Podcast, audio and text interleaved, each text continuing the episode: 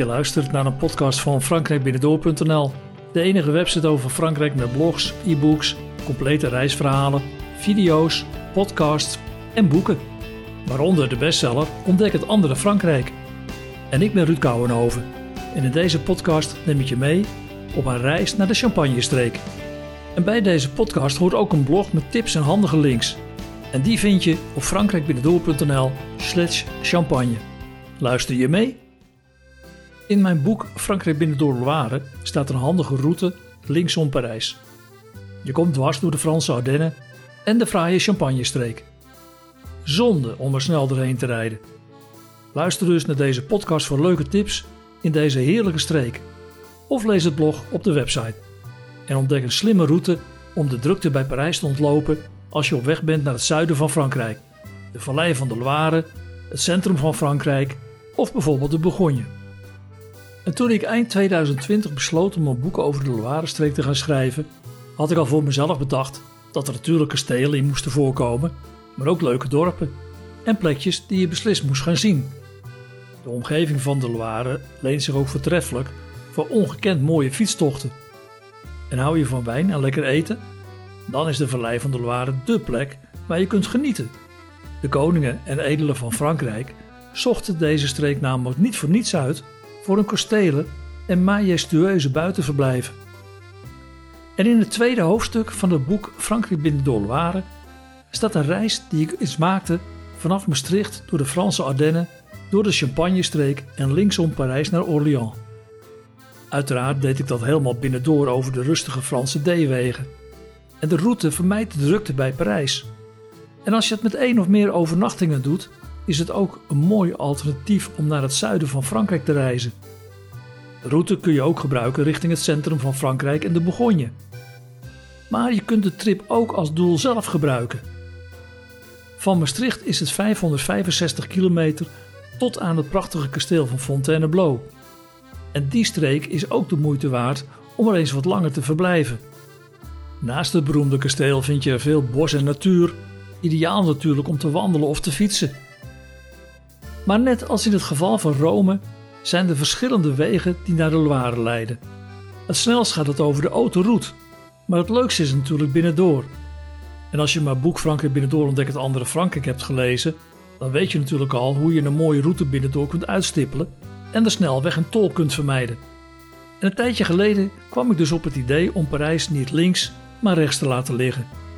En ik vertrok vanuit Maastricht en reed via de Franse Ardennen waar ik ten zuiden van Rijms een overnachting had gepland in de Champagne-streek. Het is maar 5,5 uur rijden vanaf Utrecht en vanaf Maastricht is het een uurtje of drie en vanaf Antwerpen ook. Ideaal dus voor een korte vakantie of een weekendje weg. Of als je wijnboeren en leuke champagnehuizen wilt bezoeken. En als je door de Franse Ardennen wilt rijden, kun je dat via de A34 doen. Als ik richting Rijms ga, ga ik altijd lekker binnendoor. En bij Sedan kun je dan bijvoorbeeld via de D977 naar Fougères. En vervolgens over de D980 naar Rijms. En ik kan je van harte aanbevelen deze mooie stad eens te bezoeken. En wil je de route volgen zoals ik die in het boek Loire heb beschreven, dan ga je bij het dorpje Epois linksaf. Om enige tijd later het Parc Naturel Régional de la Montagne de Rijms te zien opdoemen. En je ziet de wijngaarden bij het dorpje Lude Stop gerust bij het dorpje om er wat champagnehuizen te bezoeken. Of ga naar de Place de la Liberté voor een tussenstop bij de plaatselijke bar, waar je ook een hapje kunt eten. Je zit er aan de rand van het natuurpark, waarvan het hoogste punt op 287 meter ligt. In de hoger gelegen delen zijn vooral bossen te vinden. Maar aan de randen liggen de wijngaarden en vooral in het noorden en zuidoosten. Dit uitgestrekte natuurgebied biedt ook tal van mogelijkheden om te wandelen, te fietsen of er met een mountainbike of e-bike op uit te gaan. En als je naar een lokaal office du toerisme gaat, kun je informatie krijgen over ruim 555 kilometer met wandelingen en mooie fietstochten. Je kunt naar Lude de D9 volgen, maar ook kiezen voor een hele mooie rit door het bos via Ville-Anselve. De weg naar dit dorp klinkt langzaam, maar zeker omhoog. En als je er bent, kun je daarna weer de D9 oppikken richting Epernay. En hou je wel van wat avontuur of ben je op de motor, dan is het misschien een leuk idee om via Germain en Avenay door te rijden. Je gaat dan over een smalle weg dwars door het bos om daarna af te dalen naar de vallei van de Marne, waarna je vlakbij Epernay zit. Epernay staat van oudsher bekend onder mousserende champagnewijnen.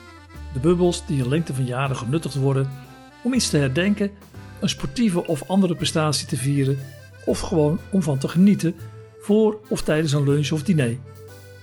Hoewel, heb je al eens een champagne ontbijt gehad? Voor veel mensen is champagne namelijk een drank waar je ze 24 uur per dag mee kunt verleiden. En waar kun je champagne het best proeven en ontdekken? Dat kan in het hart van de champagnestreek natuurlijk. En dat is al vele decennia Epernay. De stadje wordt omringd door wijngaarden en wordt niet voor niets de hoofdstad van de champagne genoemd. En de omgeving is ook uniek. Zo bijzonder zelfs dat sinds juli 2015 de Champagnestreek tot het UNESCO Werelderfgoed behoort. De heuvels, kelders en champagnehuizen vormen een bijzonder wijnlandschap, waardoor UNESCO de streek opnam op de Werelderfgoedlijst. En wat het voor deze streek extra bijzonder maakt, is dat ook de productie, bereiding en de verspreiding van champagne tot het erfgoed is gaan behoren. De afstand van Maastricht of Antwerpen naar Epernay is ongeveer 300 kilometer. En vanaf Utrecht is het 470 kilometer rijden. En dat zijn afstanden die te overzien zijn. Het is ook ideaal voor een lang weekend of een paar dagen door de weeks. En als je de keuze hebt, zou ik door de weeks gaan, want dan zijn er meer wijnboeren open en is het rustiger dan in de weekenden. En als je eenmaal in Epernay bent, dan is een wandeling door het plaatsje een mooie start om alvast in champagnesferen te komen. Je zult al snel zien dat het lastig wordt om het woord champagne niet te zien. En het is een goed idee om eerst naar het Office du Toerisme van Epernay te gaan voor een plattegrond. Er is namelijk een wandeling van ongeveer 40 minuten door het stadje waarmee je de belangrijkste plekken kunt zien. Je start er in de statige Avenue de Champagne, want daar ligt op nummer 7 het Office du Toerisme. En je ziet er ook de Jardin de l'Orangerie van Moët-les-Chandon. Door deze wandeling kun je in een uurtje de belangrijkste monumenten van Epernay zien en krijg je een goede indruk van het Champagnestadje. En aan de Avenue de Champagne vind je bekende champagnehuizen in chique en statige gebouwen. Bezoek bijvoorbeeld Mercier, Moët Chandon en de Castellanen. En duik vervolgens in de wereld van de champagne. Want deze beroemde champagnehuizen hebben indrukwekkende ondergrondse kelders en die kun je bezoeken. Aansluitend op een rondleiding kun je dan champagne proeven. Je moet meestal wel even reserveren en het is vaak niet gratis. Leuk om eens gezien te hebben, maar het is ook wel behoorlijk toeristisch. Ik kies zelf liever voor een proeverij bij een kleine lokale wijnboer. En er zijn er genoeg in de omgeving. Gewoon uitproberen. En soms is proeven gratis en soms betaal je bijvoorbeeld 10 euro voor een proeverij, maar als je dan wat koopt, wordt dat meestal weer verrekend. Voor een overnachting heb je natuurlijk een verblijfplaats nodig. Die kun je vinden in Epernay, maar het is misschien veel leuker om iets verder door te rijden naar bijvoorbeeld het dorpje Moussy. Want daar ligt de Auberge Champenoise. Je hebt een kamer met ontbijt voor minder dan 100 euro. Het is een eenvoudig hotel, maar alles is er. En er is een goed restaurant. En dat is wat mij betreft altijd een voordeel als je lekker kunt eten in een hotel. Als de kamer dan wat simpel of meer bescheiden is, neem ik dat graag voor lief. Want meestal ben ik er toch alleen s'nachts en dan slaap ik normaal gesproken. En in de wetenschap dat je na een prima diner en wat glazen champagne zo je bed in kunt rollen, trekt mij altijd weer opnieuw aan. Wij hebben in elk geval een paar keer prima gegeten en geslapen bij de Auberge Champenoise. En de volgende ochtend kun je dan na een goed Frans ontbijt een nieuwe dag vol verrassingen en ontdekkingen tegemoet gaan. En je kunt natuurlijk ook actief zijn in de wijngaarden. Want het leuke is dat het hotel midden in de wijngaarden ligt en je vanaf deze plek werkelijk alle kanten op kunt voor een fietstocht of een mooie wandeling. Wij hebben eens een wandeling naar Epernay gemaakt, dwars door de beroemde wijngaarden. Het was een tocht van ongeveer 6 kilometer heen en 6 kilometer terug. Maar ik moet wel zeggen dat het terugweg veel langer duurde. De glazen champagne die we tijdens een voortreffelijke lunch in Epernay dronken, waren daar zo goed als zeker de oorzaak van. In de omgeving kun je trouwens op diverse plaatsen fietsen, mountainbikes of e-bikes huren. Maar houd er rekening mee dat het er heuvelachtig is, dus misschien is de keus voor een e-bike dan wel handig. Je kunt natuurlijk ook je eigen stalen ros meenemen. En als je wat googelt op Circuit Vélo Epernay, dan vind je al heel veel suggesties. Maar in deze streek kun je nauwelijks verdwalen. Het is dus ook leuk om wat rustige binnenwegen door de wijngaarden te kiezen en gewoon van dorp naar dorp te rijden. In het boek Frankrijk binnendoor Loire staat de complete roadtrip linksom Parijs beschreven. En het boek is verkrijgbaar in de boekhandel, bij alle ABB-winkels en natuurlijk via frankrijkbinnendoor.nl. Maar nu hebben we het over champagne en champagne proeven. Waar moet je dat nou doen? Dat is misschien meteen de moeilijkste vraag die je kunt stellen. Als je het leuk vindt om de indrukwekkende kelders onder Epenet te zien, dan is een bezoek met een proeverij bij de bekende champagnehuizen een aanrader. Maar lijkt het je leuk om bij een kleiner wijndomein te gaan proeven en je het verhaal te laten vertellen door een kleine producent? Dan raad ik je aan op avontuur te gaan. Je weet natuurlijk niet hoe de kwaliteit of smaak zal zijn van de kleinere producenten, maar alleen al het bezoek en het verhaal van de lokale wijnboer is heel veel waard. Als je dan zijn of haar champagne lekker vindt, neem dan een paar flessen mee naar huis. Je zult vanzelf ervaren, als je dan de gekochte champagne drinkt, dat je bezoek aan de kelder en het verhaal van de wijnboer weer in je herinneringen opduikelt. Eigenlijk geniet je zo dus altijd bij elk glas weer extra van je bezoek aan de champagnestreek. En zorgen de herinneringen en de inhoud van je glas opnieuw voor een onvergetelijk moment. Er zijn in de champagnestreek meer dan 400 onafhankelijke en kleine producenten van champagne. Vraag eens bij bekenden of ter plekke bij locals naar een goed adresje om te proeven en te kopen.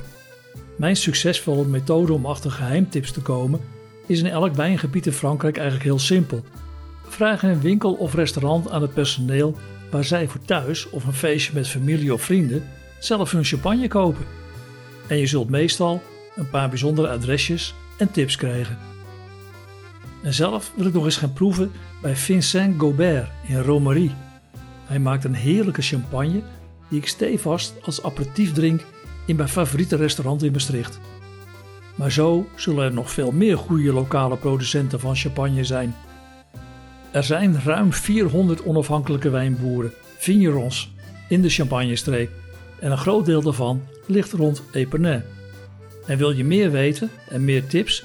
Lees dan mijn blog op frankrijkbinnendoor.nl slash champagne, want daarin vind je links naar deze wijnboeren en nog veel meer handige tips en links om een mooi weekend of een paar dagen in de Champagnestreek te regelen.